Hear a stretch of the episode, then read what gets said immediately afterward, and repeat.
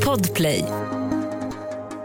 I think it's a disgrace that information that was false and fake and never happened got released to the public.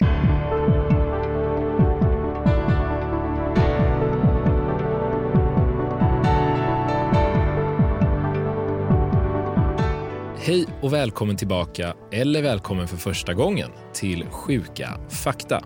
Podden som försöker råda bot på myter och föreställningar om kroppen och hälsan som florerar allmänt i suset och bruset. Simon Kurös heter jag, hälsopedagog och läkare. Och denna mythbusting sker med hjälp av några av Sveriges vastaste kroppskännare. I varje samtal bekantar vi oss med en ny gäst som får möjlighet att berätta för oss vad som är sant, vad som är falskt och vad som ibland kanske inte kan mappas in i vare sig det ena eller det andra. Gästerna är valda med extrem omsorg för att du som lyssnar ska kunna få komprimerad, validerad information i en lagom lättsam förpackning.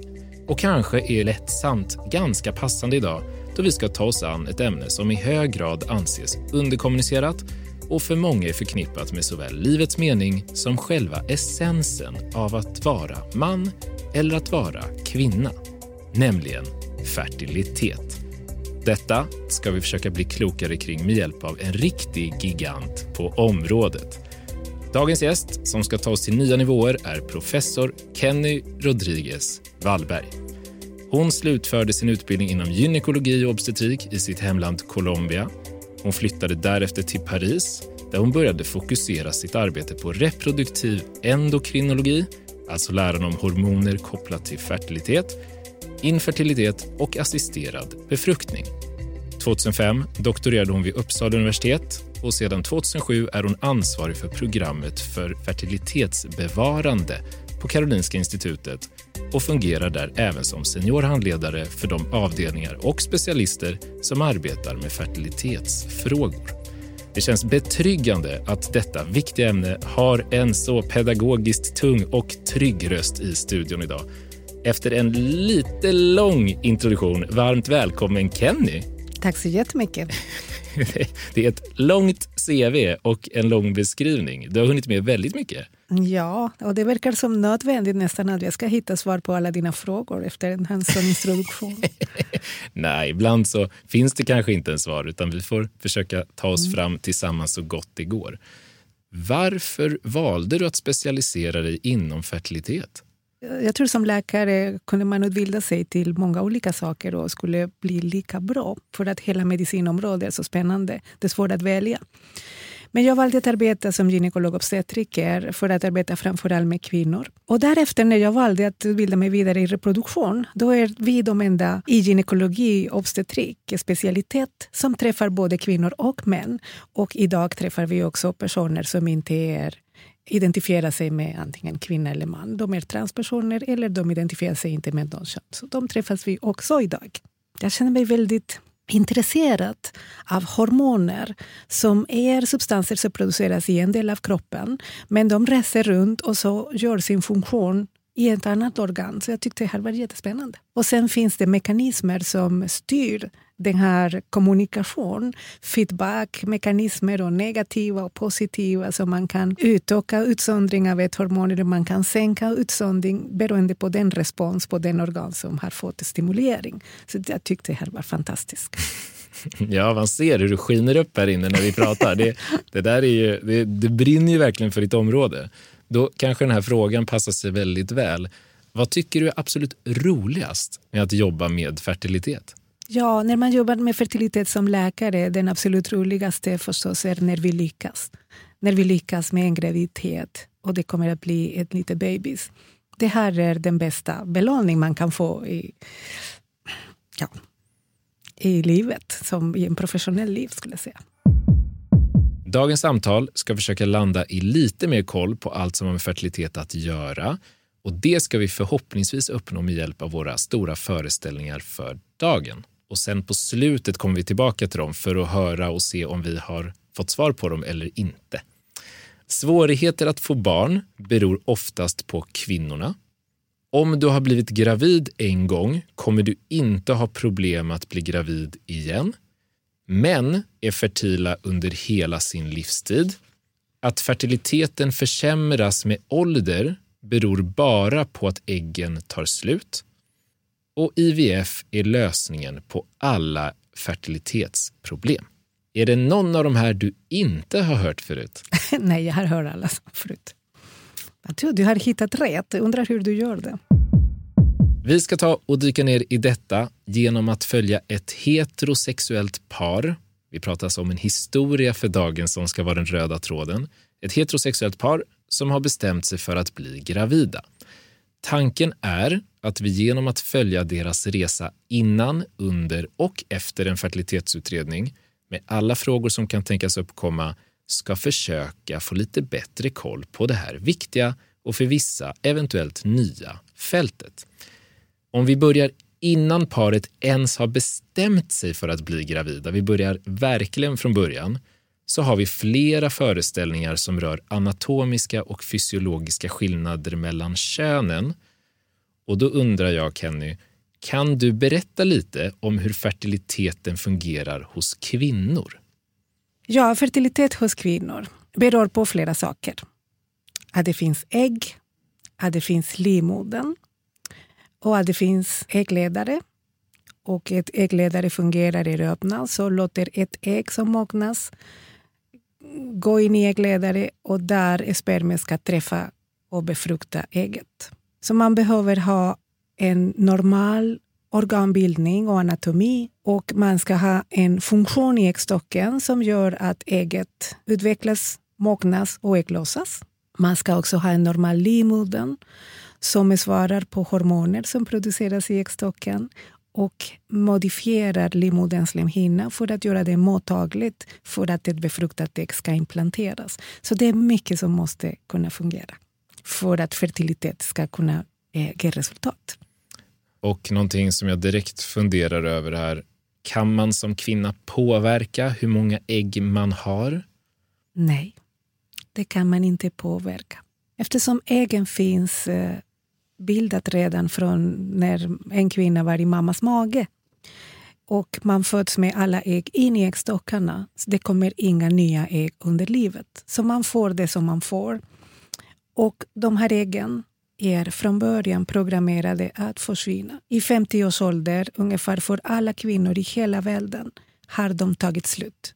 Och då kommer kvinnor i, kvinnan i klimakteriet eller i menopaus. Och det här kan vi inte påverka. Det finns mycket forskning för att för, försöka förstå varför alla ägg gör det här. Men de är bara programmerade att göra så och vi kan inte stoppa den på något sätt. Så det finns inte någon möjlighet att man producerar fler ägg men innan dess, så du, din fråga var om man skulle kunna påverka positivt, om man skulle kunna göra någonting för att förbättra äggen. Och det finns inte något man kan göra. Men man däremot kan göra någonting för att inte skada dem. Och då är framförallt undvika toxiska ämnen. Och en av de mest eh, och bäst identifierade är rökning.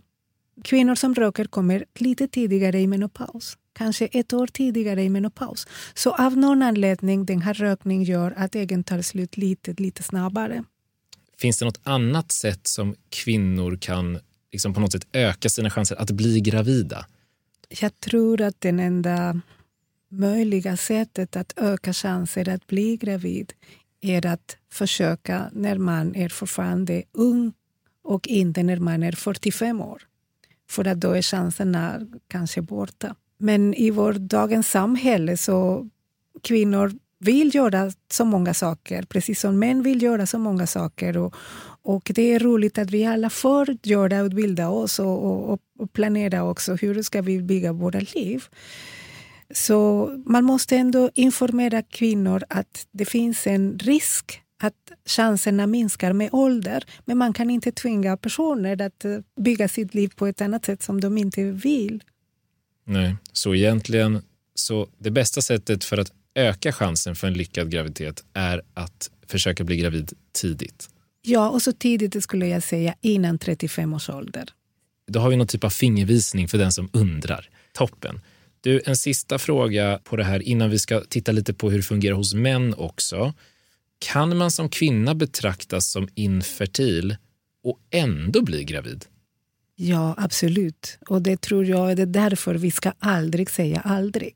Ibland så händer ovanliga saker också i medicin. Som man, statistiken säger att nästan alla ska bete sig på ett visst sätt men det finns alltid exceptioner. Så, så även patienter som har mycket låga chanser där efter att man har träffat läkare har man sagt att verkligen du kommer inte att kunna lyckas. Eh, ibland lyckas de. och så kommer då vissa bebisar. Och det, jag tycker att det här är bara roligt. Men det är därför vi ska aldrig säga aldrig. Förstås, det finns absolut infertilitet där det inte går att göra någonting. Om kvinnan har opererat bort äggstockarna, då har hon inga ägg. Hon kan inte bli gravid. Så att det beror lite på vad orsaken bakom infertiliteten mm. är. Om vi riktar fokuset mot män och mäns fertilitet för en liten stund. Om jag vänder på frågan då mot hur jag började med kvinnor. Skulle du kunna berätta lite hur fertilitet fungerar hos mannen? Mm. Så hos mannen är det lite lättare, för att eh, som, som jag nämnde för kvinnor, det finns vissa saker vi måste kolla. Att det finns ägg, om det finns äggledare, om det finns livmodern och om funktionen är normal. Hos män vi behöver veta om det finns spermier. Eh, om paret har en, en normal samliv och mannen har erektion och eh, det finns utlösning. Så den första frågan är, finns det spermier? Hur många finns? Hur duktiga de är? Rör sig de snabbt? Och för det så finns ett test som heter spermaprov. Eh, där mannen lämnar ett spermaprov, analyseras i mikroskopet och man räknar spermier och man tittar på rörlighet och så rapporteras enligt vissa parametrar. Så det är mycket enklare. Ja, det, var, det var en mycket kortare beskrivning än vad vi hade på kvinnorna.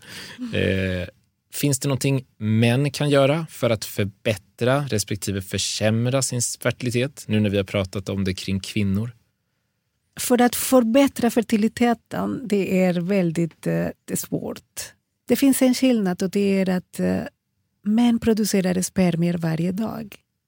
Så om man kan hålla sig frisk, om man äter nyttigt, om man inte också röker och använder toxikanter. Spermierna produceras varje dag och det är miljoner spermier som produceras. Så det finns en biologisk skillnad. Att även om 10 procent av spermier kan drabbas av någonting, kanske 90 procent är ändå fortfarande många som kan klara uppdraget. Så Precis som för hos kvinnor som man bör undvika toxiska ämnen. Det finns en sak som för män har visat att det sänker spermiekvalitet och spermieproduktion och det är värme. Och eh, det har man upptäckt hos eh, män som kör eh, lastbil under långa perioder. Då har man kunnat bevisa att spermierna försämras. Men om man tar bort värme, då kommer spermierna att bli normala igen eftersom spermier produceras livet ut. Om man inte skadar de cellerna som producerar spermier då kan man säkert producera spermier livet ut tills man är väldigt gammal. Det är en skillnad. Så att de produceras livet ut, till mm. skillnad från hos kvinnor där äggen tar slut. Betyder det att mannens fertilitet liksom inte är åldersberoende alls? Eller finns det ändå en åldersparameter i det här? Eller? Ja, så man vet att det finns möjlighet att få barn i äldre år eh, och det finns eh, ja, bevis på det. Men att spermierna är lika bra som de var när man är ung. Det finns eh, lite information som tyder på att spermier är mindre bra. inte bara mindre effektiva, utan de har också kanske påverkats och det kan finnas kanske lite flera saker som följer med i den genetiska informationen som kommer med spermierna. Logiken säger att det finns en bäst före-datum också för män. För att bli pappa så ska man kanske inte vara så gammal. Man ska kunna få tid för att vara med sitt barn. Men biologiskt finns möjlighet att producera spermier tills man är 70 eller 80. För det här med att spermier skulle kunna ha annan kvalitet har jag en fråga på. Och det är ju att man säger ju eh, till kvinnor att absolut avstå helt och hållet från alkohol till exempel under en graviditet. Och jag har förstått det som att alkohol även negativt kan påverka spermiekvaliteten. Och då är min fråga, ska man rekommendera män att inte dricka alkohol under en period när de vill bli gravida med sin partner? Precis som det finns toxiska ämnen som kan påverka negativt ägg och spermier. Eh, så jag pratade framför allt om rökning hos kvinnor, så det är också rökning är dåligt för män, men det är också dåligt för hälsa, så det måste man ändå säga. Alkohol har inte visat samma påverkan. Negativ för fertilitet, i alla fall i måttliga mängder, men förstås att dricka för mycket är också dåligt för hälsan. Men däremot att rekommendera till en kvinna som är gravid att inte dricka under graviditet, det är bara för att undvika att barnet ska drabbas av alkoholpåverkan. Och det är allvarligt. Och det kan orsaka allvarliga skador, så det är därför. Men, men just för fertilitet, det finns, eh, det finns förstås i höga mängder ska man inte använda alkohol. Men, men ett måttligt eh, alkoholintag här inte bevisat att det påverkar negativ fertilitet. Eftersom spermier produceras hela tiden eh, det finns saker som kan påverka eh, spermieproduktion och kvalitet. Och Det är infektioner, eh, höga, hög feber får temperatur påverka så, så, så pass mycket. Så om man, en man har influensa och under de här dagarna med hög feber går och lämnar ett spermaprov. Det spermaprov kan visa att det finns en väldigt påverkan på spermier med dålig kvalitet. Så alla effekter försvinner, man blir frisk igen och så kan man lämna ett nytt prov. Men om man lämnar det nästa vecka, då får samma spermier som man hade veckan innan. Så man måste vänta kanske tre månader för att nya spermier som har byggts allihopa ska kunna komma i nästa prov till exempel. Så den som lyssnar och vill optimera sin spermiekvalitet inför att bli gravid ska egentligen göra en tre månaders plan där man försöker leva så, så hälsosamt eller så optimalt som möjligt. Eller? Ja, det låter väldigt klokt. Så om alla skulle kunna leva så nyttigt som möjligt och äta nyttigt och inte använda toxikanter, och då är det då är det bättre förutsättningar. Och jag tror att de flesta personer som, som bestämmer sig för att nu ska vi bli gravida, de vill göra det så bra som möjligt. Så de säkert börjar ändra lite livsstil och motionera mera. Allt det här är bra. Och bara för att förtydliga så att jag förstår, för vi pratade om att om man har en regelbunden mens, då kan man ändå dra en indirekt slutsats att liksom, psyken fungerar som den ska och då också om man är relativt ung att fertiliteten fungerar som den ska. Men det riktiga kvittot är egentligen att försöka bli gravid och faktiskt bli gravid. Ja, och bara efter att inte lyckas på ett år då bara efter det ska man börja med undersökningar, konsultationer och mäta hormoner och allt det här. Just det, men kan man säga då att om en man lämnar ett spermieprov där det ser ut att vara bra värden över hela spektrat av värden med hur de rör sig och hur många de är och hur de ser ut. Kan man då sätta lika med tecken att man har en god fertilitet hos mannen? Ja, jag tror att ja, i andra ord det som vi gör är att vi försöker hitta anledning som vi kan behandla. Om spermaprov är normal, spermierna är som det ska, så då behöver vi inte göra någonting där. Så det som vi gör som en liten detektivarbete är att hitta vad är som är orsaken.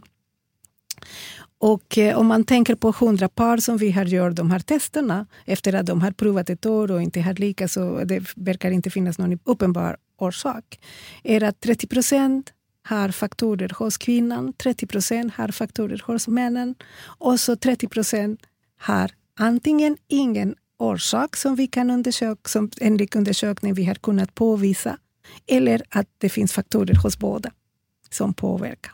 Och det här är väldigt generellt.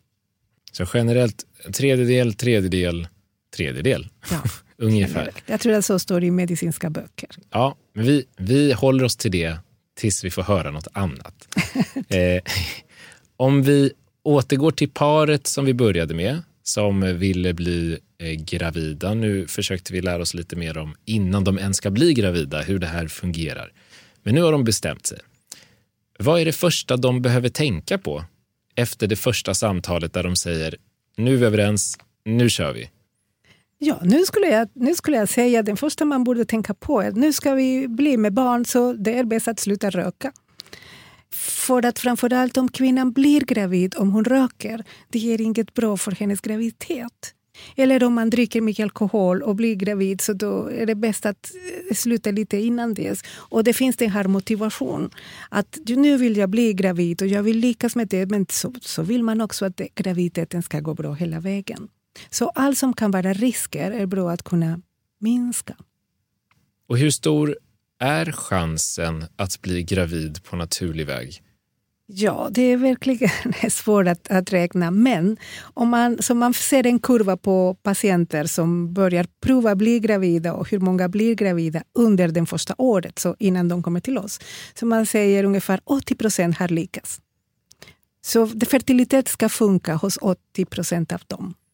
Efter ett år, 20 procent har inte blivit med graviditet. Och det är de som börjar en utredning för att se vad var det för orsaken man kan säga att att vara gravid hemma, om allt fungerar som det ska, så chansen är kanske under 10 procent per cykel. 10 procent per cykel.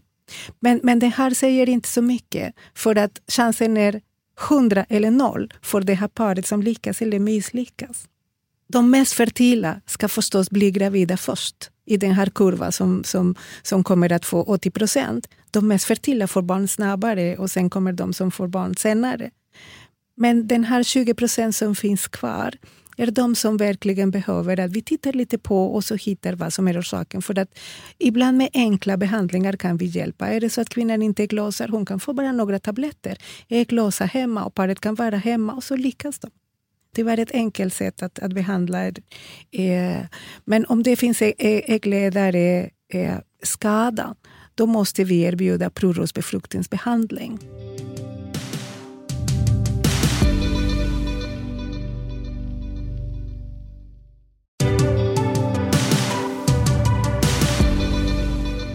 På den här kurvan så beskrev du ju väldigt tydligt, nu sitter vi här och alla ser inte vad vi gör, men, men att ju mer fertil man är, om man ska se det som en trappa, desto större är chansen att man i genomsnitt snabbare får en lyckad graviditet.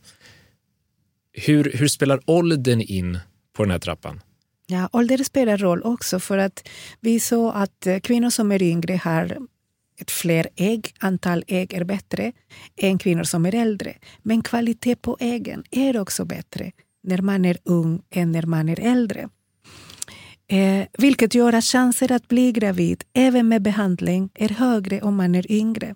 För de yngre gruppen, eh, yngre än 35, är chansen högre än för de som är 35-42 till exempel. Hur länge ska man ha försökt bli gravid utan framgång då? För att man ska börja fundera kring om sin fertilitet är påverkad? Är det ett år? Ja, det är krav från sjukvården, och så det här är i hela världen, för att få en diagnos infertilitet så måste man ha försökt ett år. Och det finns par som upplever att ett år är väldigt långt och andra par som upplever att ett år är rimligt beroende på deras planer. Men när, när ett par drabbas av infertilitet, om alla lyckas och de likas inte, det, ibland så blir det en väldigt jobbig psykologisk påfrestning också för par. Det är inte ovanligt att eh, man har patienter som säger att eh, de träffade sin kompis som hade babys i barnvagnen så hon bara började gråta för att det här händer inte hos henne. Hon förstår inte varför min kropp, eh, men min, min, min kompis lyckades. Så vi behöver också tänka på att det här är inte bara en, en en fysisk, ett fysiskt problem utan det är också patienterna behöver ibland mycket runt omkring. Och så vi har på alla fertilitetskliniker i Sverige så vi har kuratorer eller sjuksköterskor, specialiserade psykologer som kan också hjälpa till. För att det är jobbigt att vilja ha barn och inte kunna få barn som alla andra som inte behövde någon behandling. Och det förstår vi som jobbar i sådana kliniker. Vårt par vill öka sina chanser för att bli gravida och de söker ju nu lite tips och råd på nätet för att förstå hur de bör tänka. Vi har redan varit inne på att undvika rökning, undvika eh, alkohol eller olika väldigt ohälsosamma vanor som man vet skadar mer än gör nytta. Men jag tänkte nu Kenny passa på att presentera fyra väldigt vanligt förekommande påståenden om fertilitet som vårt par sannolikt kommer att stöta på nu när de söker information på internet. Och så får du svara om det stämmer eller om det inte stämmer. Man kan inte bli gravid om man har sex under pågående mens. Sant eller falskt? Det är sant. För att man är långt från ägglossning. Har man pågående mens är man två veckor till en ägglossning. Ägget bör befruktas inom ja, 24-48 timmar. Det skulle vara verkligen, verkligen osannolikt att bli gravid om man har pågående mens. Men om man har pågående mens men man har en kort cykel och mensen varar i tio dagar och man ägglossar på dag 12 då kanske kan man bli gravid. Så, så, men det, det, är ganska osannolikt. Ja, precis. Men man kan inte ta med sig från det här samtalet att det är helt säkert. Ja, jag tror att jag såg idag att man ska aldrig säga aldrig. Nej, det beror på mera detaljer, hur var mensen och hur, vem är patienten och hur lång är cykel. Men det skulle vara mycket ovanligt. Ja. Om du har blivit gravid en gång kommer du inte ha några problem att bli gravid igen. Ja, det är falskt. Eh, för att om man har blivit gravid en gång så visar det att det har fungerat en gång hela vägen och det gick bra. Men det är inte någon garanti att någonting händer efter det som kan påverka negativ fertilitet. Så det, det kan bli svårighet att bli gravid efter det. Men åt andra sidan, har man redan fått barn då är det goda tecken att det här kan fungera igen. Bra svar. Att som kvinna ligga på rygg efter sex ökar chansen att bli gravid. Sant eller falskt? Jag tror inte att det ökar chansen, men det låter lite skönare att kunna ligga på, på ryggen en stund. så falskt, men om man känner för det så får man absolut ligga och vila. Och den sista då. Om din mamma hade lätt för att bli gravid så kommer det även att gälla dig. Det stämmer att vi har med oss saker som våra familjer har haft, så det kommer i våra gener.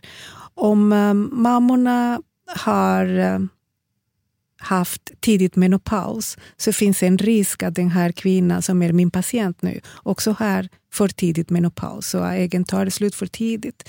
Så har man en bra fertilitet i familjen så troligtvis har man också det. Men det går inte att mäta det på något sätt.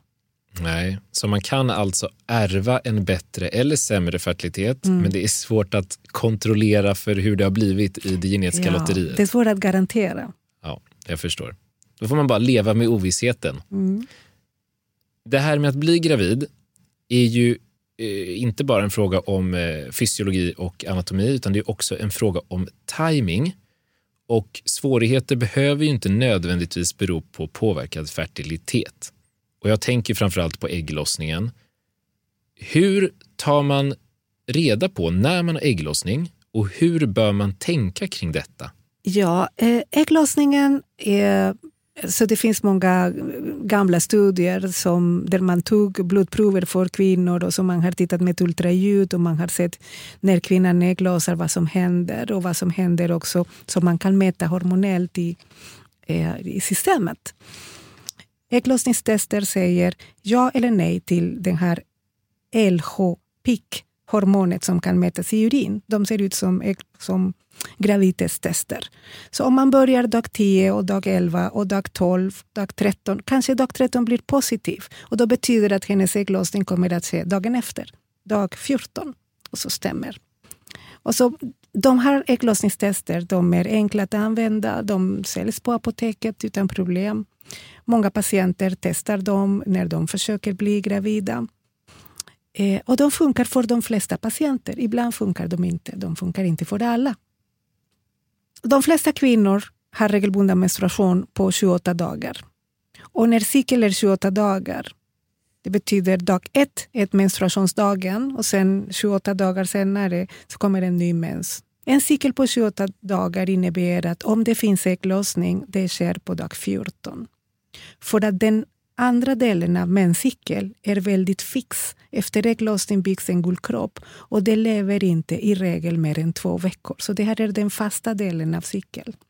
I den här 28 dagars cykel med ägglossning dag 14 betyder att innan dag 14 behöver den här hormonell styrning av ägglossning ske, så man måste kunna mäta den innan.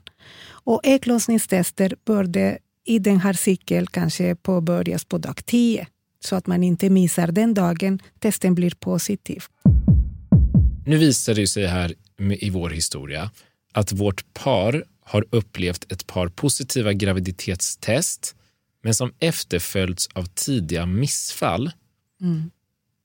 Hur många missfall krävs det för att man från vården ska börja reagera? Tre missfall i rad eh, krävs för att man ska göra en utredning för upprepade missfall. Men missfall betyder eh, inte gravidtestet positiv utan det betyder att efter gravidtestet positiv man har även sett en graviditet utvecklas i livmodern. Så det finns en bekräftelse att det finns en graviditet. Eh, och sen efter det så har skett ett missfall. Det händer ungefär dag, vecka 5, 6, 7 eller tidigt. Efter tre sådana missfall så gör man en utredning för att eh, undersöka om det finns faktorer som har orsakat detta. Men varför gör det man efter tre missfall? För att ett missfall har oftast ingen betydelse eller till och med två missfall har ingen betydelse. Ett missfall är i stort sett ett prov att man kan bli gravid så man ska ta det som något bra i bakgrunden. Upprepade missfall är ovanliga eh, och de har genetiska orsaken, att det finns något fel i kromosomuppsättning hos antingen kvinnan eller mannen. Så det finns undersökningar för det. Eller andra underliggande faktorer som kan orsaka det. Men det är som sagt lite ovanligt. Det vanligaste är att det här ska gå bra. Om jag förstår det rätt så har man valt tre stycken mm. från vården mm. för att det ändå är så pass vanligt att det inte räcker med en eller två för att starta en mm. utredning. Mm. Utan man, Okej. Okay. Och nu funderar ju vårt par här, som har varit med om ett par stycken missfall. Nu funderar de på att söka hjälp för att bättre förstå varför de inte får det att funka. Vart borde de vända sig? De kan vända sig till en gynekolog som jobbar med, med ett intresse om fertilitetsfrågor. För att eh, det är gynekologer som kan göra en sån undersökning från början och så man tittar om det finns någon faktor som kan ge benägenhet till, till, till missfall. Och då, det här är ett normal, frisk par som har lyckats med två graviditeter men det har blivit ett tidigt missfall. Så den första man ska titta kanske är hur livmodern ser ut. Är den normalbyggd? Eh, och sen man kan också testa andra faktorer. För att om det här paret har försökt under ett år och har lyckats två graviditeter med missfall, de har inte ett barn så de har infertilitet. Så där man kan börja. Men de utreds inte för upprepade missfall. Eh, för att de har inte den kliniska kriterium för att utredas för det. Och hur inför ett sånt besök, vi säger att de bokar ett besök med gynekolog, hur ska man tänka inför det och finns det något sätt man kan förbereda sig på eller är det bara att gå dit på utsatt tid? Eller? Ja, ett, ett besök hos en gynekolog är som att gå till en annan läkare som ska titta på en annan del av kroppen. Eh, med fokus på fertilitet så det, det, spelar ingen roll vad kvinnan är i sin menstruationscykel. Helst ska hon inte vara på menstruation menstruationsdagar. För att om man vill göra en undersökning, det är obekvämt för patienten att göra en undersökning när hon har själv menstruation. Men annars eh, det har ingen betydelse för de organ och, och, och aspekter som vi behöver undersöka. Det har ingen betydelse. De tar sig tillsammans, för nu, nu råkar det vara så Kenny, att det är din mottagning de ska till. Och de tar sig tillsammans till dig på din mottagning och när de sitter med dig i rummet så frågar du ifall de har några frågor innan ni kommer igång med samtal och undersökning.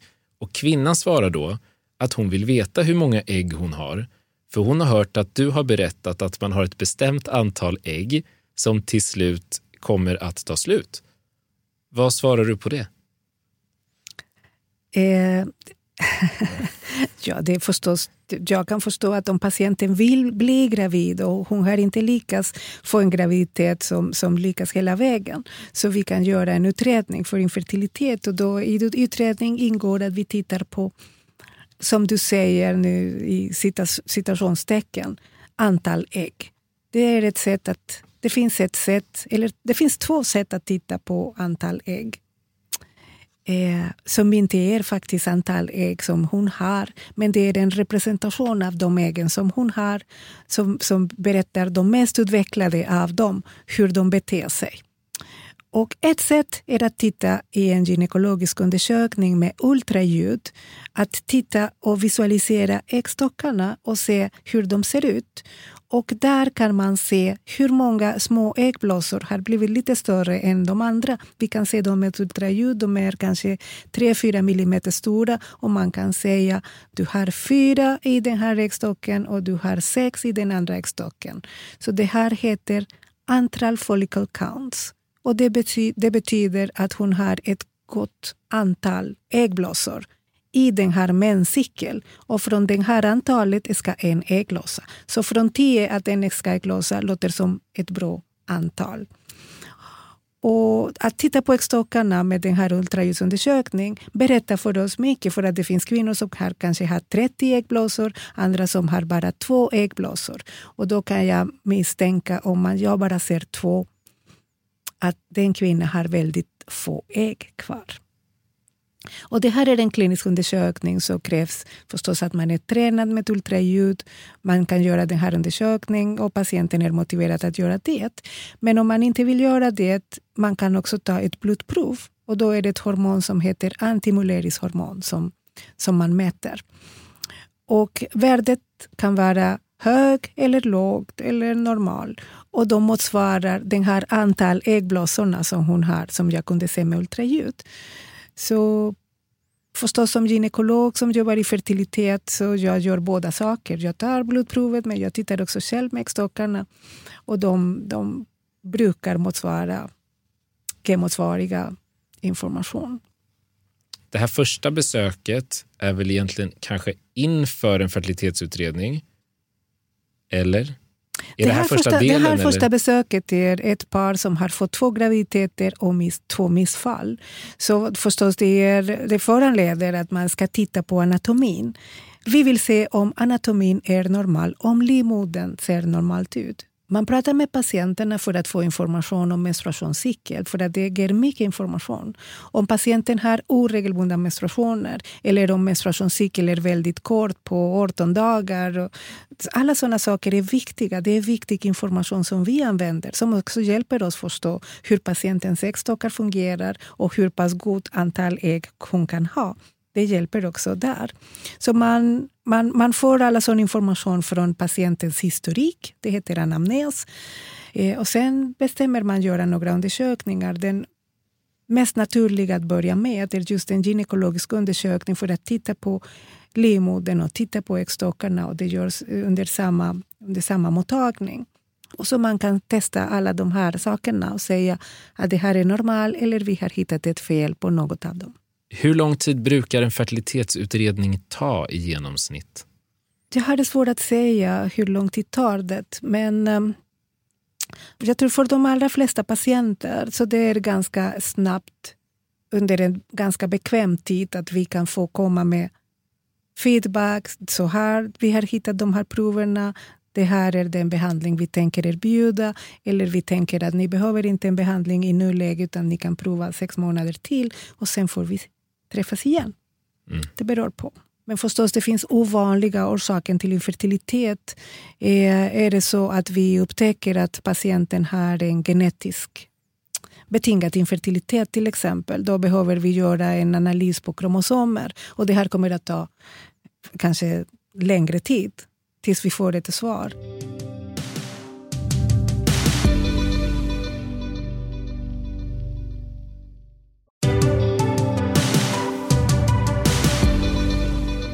Fertilitetsutredningen för vårt par är nu klar och resultaten har kommit in. Och för avsnittets skull så har mannen ett lågt antal spermier och låg kvalitet på de spermier man har hittat. Och kvinnan har i sin tur ett lågt antal äggblåsor och misstanke om ärrvävnad på äggledarna. Hur vanligt skulle du säga att det är med denna bild hos mannen respektive kvinnan? Då hamnar de i den här 30 procent som jag menade. Antingen eh, om man inte hittar någon orsak eller att båda har orsaken. Det är ganska vanligt. Men jag jobbar på ett universitetssjukhus och vi har de svåraste patienterna. Så det här, det här paret skulle säkert komma till oss. Hur hanterar man den här situationen och vilka alternativ har hon potentiellt för att kunna bli gravid? Mm. Ja, en, om det är samma patient som har varit gravid två gånger och har fått missfall, men hon har skada i äggledare, då är det mycket risk för att hon har eh, en ett, en, en graviditet som sitter utanför livmodern. Så det, och, och, och, dessutom är väldigt eh, låg chans att hon blir gravid naturligt i, igen. Jag vet inte om det har hänt två gånger i det här fallet. Eh, så behandling när man har skada i äggledare är med provrörsbefruktningsbehandling, absolut. Eh, och eh, då kommer de att erbjudas en sån behandling eh, som kan planeras eh, med intresse att starta ganska snart eftersom hon har få ägg kvar. Så vi bedömer att hon har en mycket begränsad äggreserv med bara två sådana små äggblåsor. Så chansen att vi får ägg på en provrörsbefruktningsbehandling beror på de här mer utvecklade äggblåsor. Så hos en annan kvinna till exempel skulle vi kanske kunna få 12 ägg på en behandling. Men för din patient som du berättar som, som, som har så begränsad reserv så vi kanske lyckas få två ägg. Och om vi skulle inte göra behandling nu utan om ett år, då kanske chanserna är borta.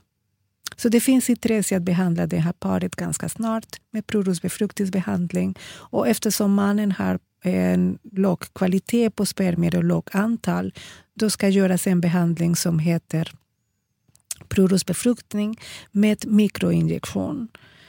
Eh, provrörsbefruktningsbehandling betyder befruktning utanför kroppen eh, och i laboratoriemiljö. Och det finns två sätt. En är att äggen låtas befruktas av spermier och spermierna befruktas själva. Mannen lämnar spermaprov och vi har plockat ägg hos kvinnan. Eh, och I laboratoriemiljö spermierna befruktas själva. Det heter konventionell IVF. Men det finns en metod som heter mikroinjektion där vi själv tar varje ägg och väljer ett spermie, den som vi tänker är bättre, piggare, rör sig snabbare. Och så det här spermien ska injicera sin eget för att hjälpa till befruktning. Så det här paret kommer att erbjudas den här behandlingen. Och nu nämnde du egentligen flera saker som jag vill ta fasta på. Men eh, IVF, det finns ibland, upplever jag själv, en kommunikation utåt att IVF skulle kunna vara i princip lösningen på alla ens fertilitetsproblem. Hur framgångsrikt är det med IVF egentligen? Jag tror att tidigare pratade vi lite grann om chanser. Så det här paret, om vi lyckas få två ägg för att göra IVF, provrörsbefruktningsbehandling, och om vi får injicera spermier in i varje ägg, då har vi chans att få befruktning på det första ägget och det andra ägget. Men vi kan inte göra befruktningen. Det är spermie och ägget som gör det.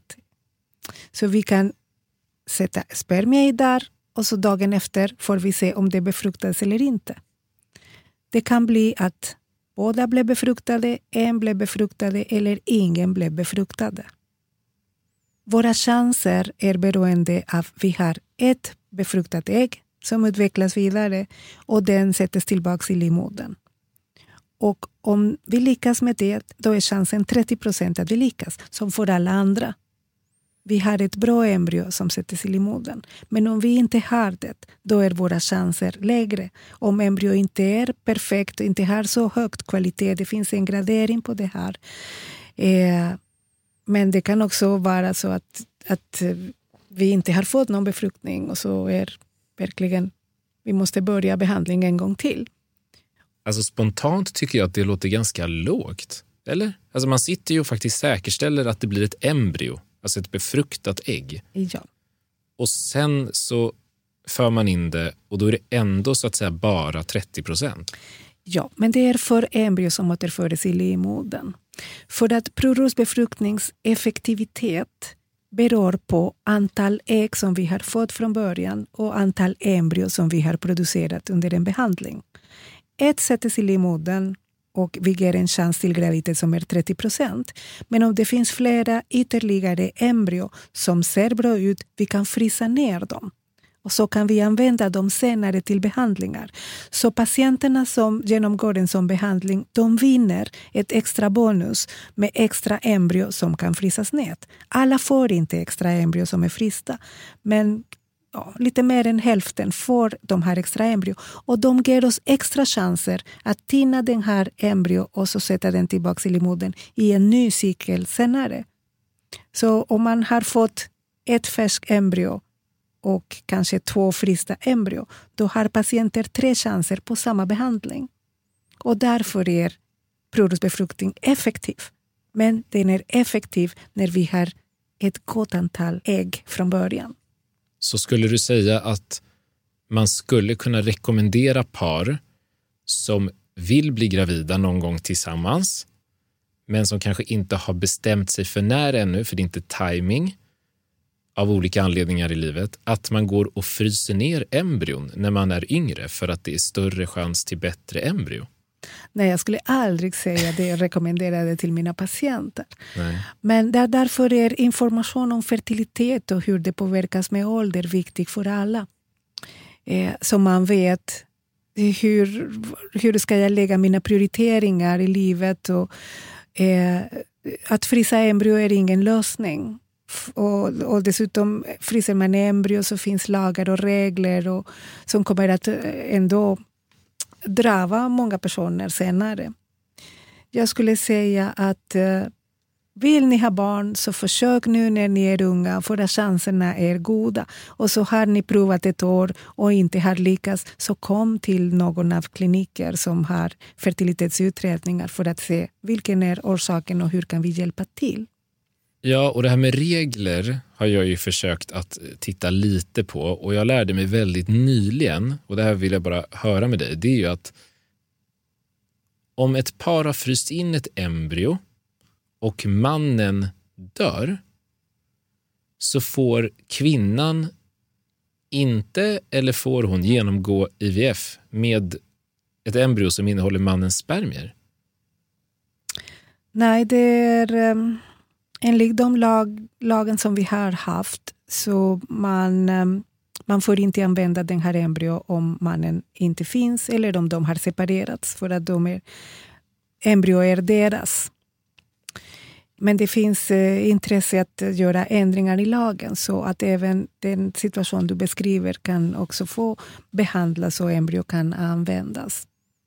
Men det är därför lagen om embryo är komplicerade. Bara om paret separeras då kvinnan kan inte få använda de embryon.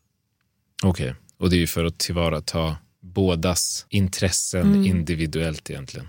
Och lite fokus på mannen. Han har ju ett eh, lägre antal spermier, lägre kvalitet på spermierna man har hittat. Vad finns det för alternativ i vården för att kunna ta tillvara på de få bra spermier som finns? I praktiken så reproduktionskliniker jobbar redan med metoder med mikroinjektion. Det finns på alla IVF-kliniker i hela världen. Så finns det spermier och, och, så lägre spermier betyder kanske en miljon eller lägre än en miljon. Men det finns i alla fall fler än hundra eller jag vet inte, finns spermier. Så, så vi vet att vi kan använda dem för behandling. Sen finns det fall där man ser verkligen, verkligen få spermier och då behöver vi göra någonting för att se om det kan, vi kan hitta fler eller vad är det som orsakar att det finns så få spermier i ett spermaprov.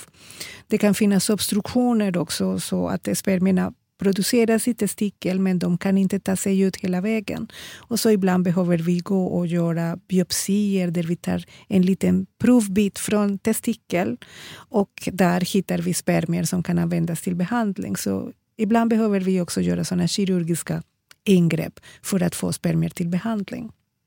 Och det är ju själva utredningsdelen, men bara så att jag förstår det här rätt. Sen när man väl har lyckats extrahera välmående, friska spermier så är det återigen mot provrörsbefruktning man siktar? Ja, de kan bara användas genom provrörsbefruktning. Behandling. Ja. Okay. Och nu, du, berätt, du sitter ju här på mottagningen och nu så har du svarat på frågan, eh, för kvinnan hade ju en fråga om det här med eh, antal ägg som hon ville veta och nu när du berättar för mannen om deras situation och hur man kan göra för mannen så vänder han sig till dig och undrar om det finns något han hade kunnat göra annorlunda för att ha en bättre spermiekvalitet. Vad svarar du då? Vi vet inte vad som är orsakat vad som är orsaken till att han har en dålig spermakvalitet. Så några av de patienterna behöver utredas vidare för att se om det är något eh, underliggande sjukdom som orsakar detta eller är det bara en obstruktion, kanske en gammal infektion. Precis som hos kvinnor eh, skadas äggledare av klamydia. Hos män också finns eh, skada i de här eh, små rör som transporterar spermierna väg, hela vägen ut. Och sen ibland, även hos de som har få ägg och de som har väldigt få spermier finns det genetiska faktorer som, som orsakar detta. Och då ibland behöver vi undersöka de faktorerna också. Och Du sa förut att det är ungefär en tredjedel av fallen som beror på kvinnan när det är något typ av problem med att paret ska bli gravida. En tredjedel på båda eller där man inte vet och en tredjedel på mannen. Hur ofta skulle du säga att par kommer och söker hjälp och där paret tror att det beror på mannen? Det var en intressant fråga. Jag tror att det är ganska vanligt kanske att i paret så man tror att det är kvinnan som, som är orsaken på något sätt. Men det är också för att det är kvinnan som blir gravid, så det är hon som visar tecken på att någonting inte händer som det ska. Eh, Ja, det, det var en väldigt svår fråga. Ja, alltså den, den får mig att tänka till i alla fall. För att min upplevelse är att fertilitetsfrågan på många sätt, som du också är inne på, lite sådär slarvigt uttryckt ägts av kvinnan. Att det är väldigt mycket fokus på kvinnorna och kvinnornas förmåga att bli gravida och då hamnar ju lite mannens eh, ansvar och roll i det här lite mer i bakgrunden i alla fall, även om det kanske inte är helt. Och då var det bara intressant att höra om du höll med och i så fall varför du trodde att det var på det viset. Vi har inte frågat eh, paren när de kommer till oss och vad de tror. Vi har aldrig frågat dem. Eh, och vi som, som läkare vi vet att det kan finnas orsaker hos den ena, den andra eller båda. Eller den tredje procent inkluderar också när alla prover är normala och vi hittar ingen orsak och vi kan inte förklara varför de är infertila. Och det här är kanske den jobbigaste gruppen för att man skulle vilja hitta och kunna peka på vad det är och vad det beror på för att vi kan också behandla men när vi inte vet så då behandlar vi ändå. Vi har ju eh, en liten stund tangerat vad paret själva eh, har upplevt, vad de vill göra, vad de kan försöka göra för sin fertilitet. Men ibland så hjälper ju inte det ändå hela vägen och man kan ju då behöva ta hjälp av donationer av antingen ägg eller spermier. Och då är min första fråga, vad innebär äggdonation? Äggdonation innebär att eh, man kan få göra precis samma behandling med provrörsbefruktning. Eh, Så I laboratoriemiljö gör vi befruktning. Och den enda skillnaden är att äggen kommer inte från patienten själv utan doneras av en donator. Vi gör liknande behandling med spermadonation när det är mannen som inte har spermier. Och spermiedonation kan också göras även när eh, patienten själv inte har en partner. Så ensamstående kvinnor får göra behandling med spermadonation. Eller lesbiska par som inte har spermier kan också få göra behandling med spermadonation. Så behandling med donation är mycket vanliga och i Sverige görs också under offentlig regi. Vi har jobbat med båda metoder många år. Donatorer är friska personer som inte har några sjukdomar, som inte har några ärftliga sjukdomar eh, och som vill frivilligt donera sina ägg eller spermier till personer som behöver dem för behandling. Jag tycker det är fantastiskt att det finns sådana människor som vill hjälpa på det sättet. Verkligen. Är det, är det, skulle du säga att det finns gott om äggdonatorer i Sverige idag? Vi behöver alltid mer donatorer.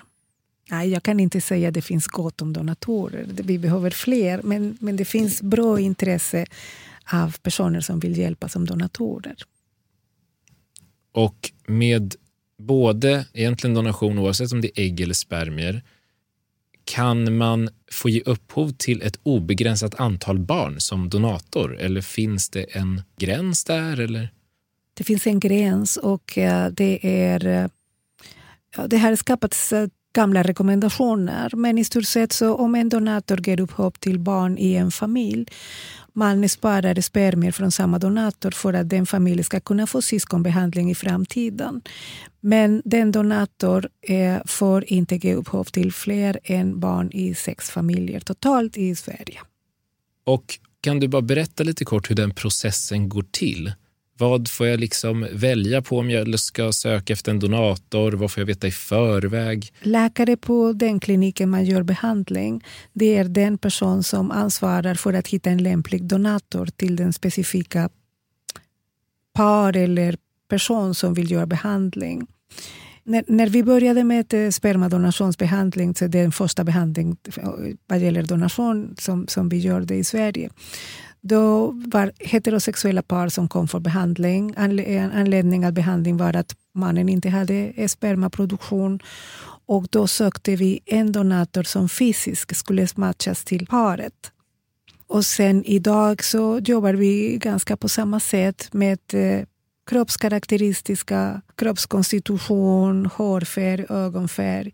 Men den viktigaste är att våra donatorer är friska, inte har några ärftliga sjukdomar, inte har några infektioner. De utreds precis som andra bloddonatorer och andra donatorer. Och de vill göra det här frivilligt och altruistiskt. Och fyller man sådana eh, såna krav så kan man bli donator. Plus att i Sverige finns en lag som heter lag om genetisk integritet som säger att när ett barn har fötts efter en behandling med donation har barnet i moget ålder rätt att känna till sitt genetiska ursprung. Barnet har rätt till det. Så donatorer behöver acceptera detta för att kunna donera. Och mottagare av gameter, de också, att eller spermier, de också godkänner detta för att de behöver som skydda den här rätt till barnet. Så när man skriver på sådana allvarliga samtycke så har man tagit ett ansvar som donator eller som mottagare i den här situationen. Och så hypotetiskt om 18 år, så om ett barn har fötts efter en donation, har barnet rätt att komma till kliniken, att få veta vem var den här donatorn och sen att om barnet vill, i den, i den tidpunkten är en vuxen person, har rätt att också söka den donator och, och kontakta den om den person vill. Hur, när det gäller att eh, matcha donator, hur ser det ut med samkönade par? Ja, vi har såna frågor och ibland så man använder bara logiken. Så det brukar inte vara något problem att hitta en donator som passar. Eh, men förstås om man behöver en donator med ett särskilt etniskt ursprung där vi har väldigt få donatorer tillgängliga, då kan det ta längre tid att kunna hitta rätt donator till en viss par. Vi ska lämna paret i vår berättelse och kika lite snabbt på dina tankar och upplevelser kring fertilitetsvården i framtiden. För att förstå framtiden, var befinner sig forskningen idag kring just reproduktiv medicin? Ja, forskningen har gått på att förstå hur äggen utvecklas och hur kan vi hjälpa till och hur kan vi få flera samtidigt det är bara lyckas med det så kan vi, har, vi, har vi kunnat utveckla provrörsbefruktningsbehandling, eh, preparera spermier och alla sådana tekniska moment, befrukta och följa upp utveckling på ett embryo. Allt det här är väldigt utvecklat idag. Men vi lyckas fortfarande bara 30 procent av fallen när vi sätter ett embryo i livmodern. Så det är uppenbarligen mycket vi fortfarande missar. Men vi har inte sett att undersöka det än. De senaste åren har varit enorm eh, eh, framgång vad gäller metoder som kan se vad som händer i cellerna, så på molekylnivå. det molekylärbiologi är en, verkligen stort och går snabbt fram. Så jag kan tänka mig att kanske i framtiden kan vi bara med en enkel test säga eh, ja, din livmodern är perfekt för återföring av embryo imorgon eller om två dagar. Och sen man placerar den embryo i livmodern i olika tidpunkter, inte som vi gör idag, som vi har gjort sen, sen vi började jobba med provrörsbefruktningsbehandling. Så jag tror att det kommer att finnas en sån utveckling på att individualisera behandling även närmare patientens egen situation och, och egen biologi. Men jag tror, att, jag tror att det är det som kommer att komma fram.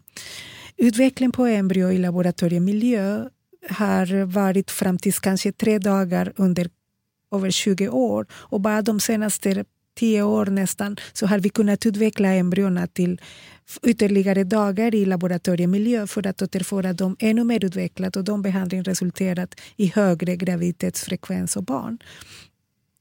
Så det finns fortfarande möjlighet att förbättra metoden i laboratoriemiljö. Vad är det som man behöver kanske tillsätta till ett embryo som ska utvecklas? Vi gör så bra vi kan för att göra liknande som i kroppen. Men vi kan inte veta exakt alla 100 procent saker som, som behövs. Så jag tror att jag kommer att, vi kommer att se mycket utveckling tekniskt.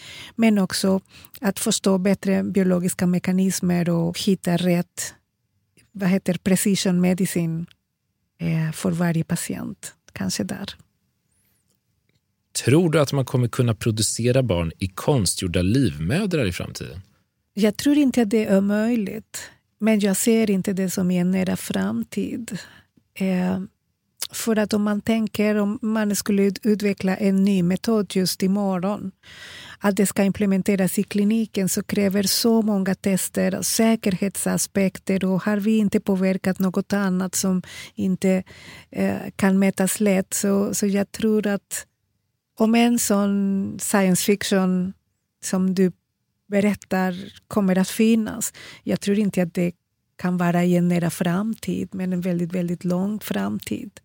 Efter mycket säkerhetstester. Vi får se. Ja, verkligen. Tror du att två män eller två kvinnor i framtiden kommer att kunna få biologiska barn tillsammans? Jag tror att det är möjligt för att eh, eh vår genetiska uppsatt njutning finns i alla våra celler också. Så man kan, om man kan föra den till ett ägg som är tom och där lägger man sin egen genetik. Så det är möjligt att kunna få ett barn på det sättet. Om man tänker att det är det som är viktigt. Men det finns många andra sätt att få barn. De som får barn med donation för att jag har inte egna ägg eller jag har inte egna spermier, de upplever aldrig att deras barn inte är lika deras som en som fick med sina egna ägg eller sina egna spermier. Och sen finns också möjlighet att få barn genom adoption. Och jag brukar säga till mina studenter för att alla behandlingar erbjuder en chans och chansen är hög som 30 procent att få barn genom en behandling. Men om man vill gå via adoption då får man barn 100 procent. Så det här är säkert. Så det finns också ett annat sätt som fungerar för många. Och vi är olika, vi letar efter olika saker. Ja, precis. En sista fråga om, om framtiden. Hur skulle du själv vilja att framtidens vård kring reproduktion såg ut? Om du fick bestämma helt och hållet? Satsning på reproduktion är väldigt viktig för samhällets fortsättning. Så vi har många begränsningar och regler och åldersbegränsningar som också gör det svårt för många av våra patienter att, att kunna lyckas eh, och få samma stöd som andra. Så jag skulle, jag skulle önska att det här utökas lite till och de begränsningarna som, som har stipulerats tidigare så kan, kan vara lite mer flexibla. För att se, vi, vi börjar eh, närma oss slutet nu Kenny och för att se om vi har fått svar på våra stora frågor så tänk att vi repeterar dem innan vi avrundar för dagen. Svårigheter att få barn beror oftast på kvinnorna. Sant eller falskt? Falsk. Om du har blivit gravid en gång, kommer du inte ha problem att bli gravid igen. Falsk. Män är fertila under hela sin livstid. Sant. Att fertiliteten försämras med ålder beror, och då är det för kvinnan då, beror bara på att äggen tar slut. Falsk. Det var inte bara på det. IVF är lösningen på alla fertilitetsproblem. Nej, tyvärr. Kenny, finns det några andra välvalda ord innan vi avslutar som du vill skicka med lyssnarna på temat fertilitet som du tycker att vi ska förtydliga eller något vi har glömt att gå igenom? Eller? Det är svårt att prata om fertilitet och det är svårt att mäta fertilitet för att en enkel individ som är singel, som inte försöker, hur ska man prata om fertilitet då? Man måste prova. Och det här finns ett partner och man provar och man försöker och har inte lyckats på ett år, så vänta inte längre. Då är det dags att börja göra en utredning och vi kanske kan hjälpa och hitta vad som är orsaken och erbjuda en behandling som passar. Bra, en liten call to action som en grande finale. Det tycker jag är utmärkt. Kenny, stort, stort tack för att du kom och gästade Sjuka fakta och för din kompetens på området inte minst och för att du har hjälpt mig och lyssnarna att bättre förstå det mesta om vår evolutionärt avgörande funktion för överlevnad fertilitet. Tack så mycket. Tack så jättemycket för att jag fick vara här och uh, lyssna på alla de här frågorna. Det var verkligen en, det, det gav mig nästan hjärnskakning.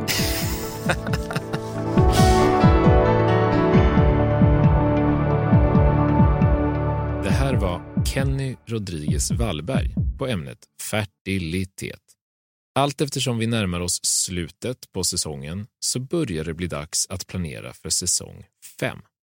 Om du har tankar och idéer på ämnen eller gäster, tveka inte då att höra av dig till kontakt sjukafakta.se eller direkt via vårt Instagramkonto Sjuka Fakta Podcast. I säsongsavslutningen så skruvar vi upp värmen lite när vi tar oss an extremtemperaturer med professor Andreas Vladis. Och tills nästa vecka så får du må så gott, ta hand om din kropp och tro inte på allt du hör.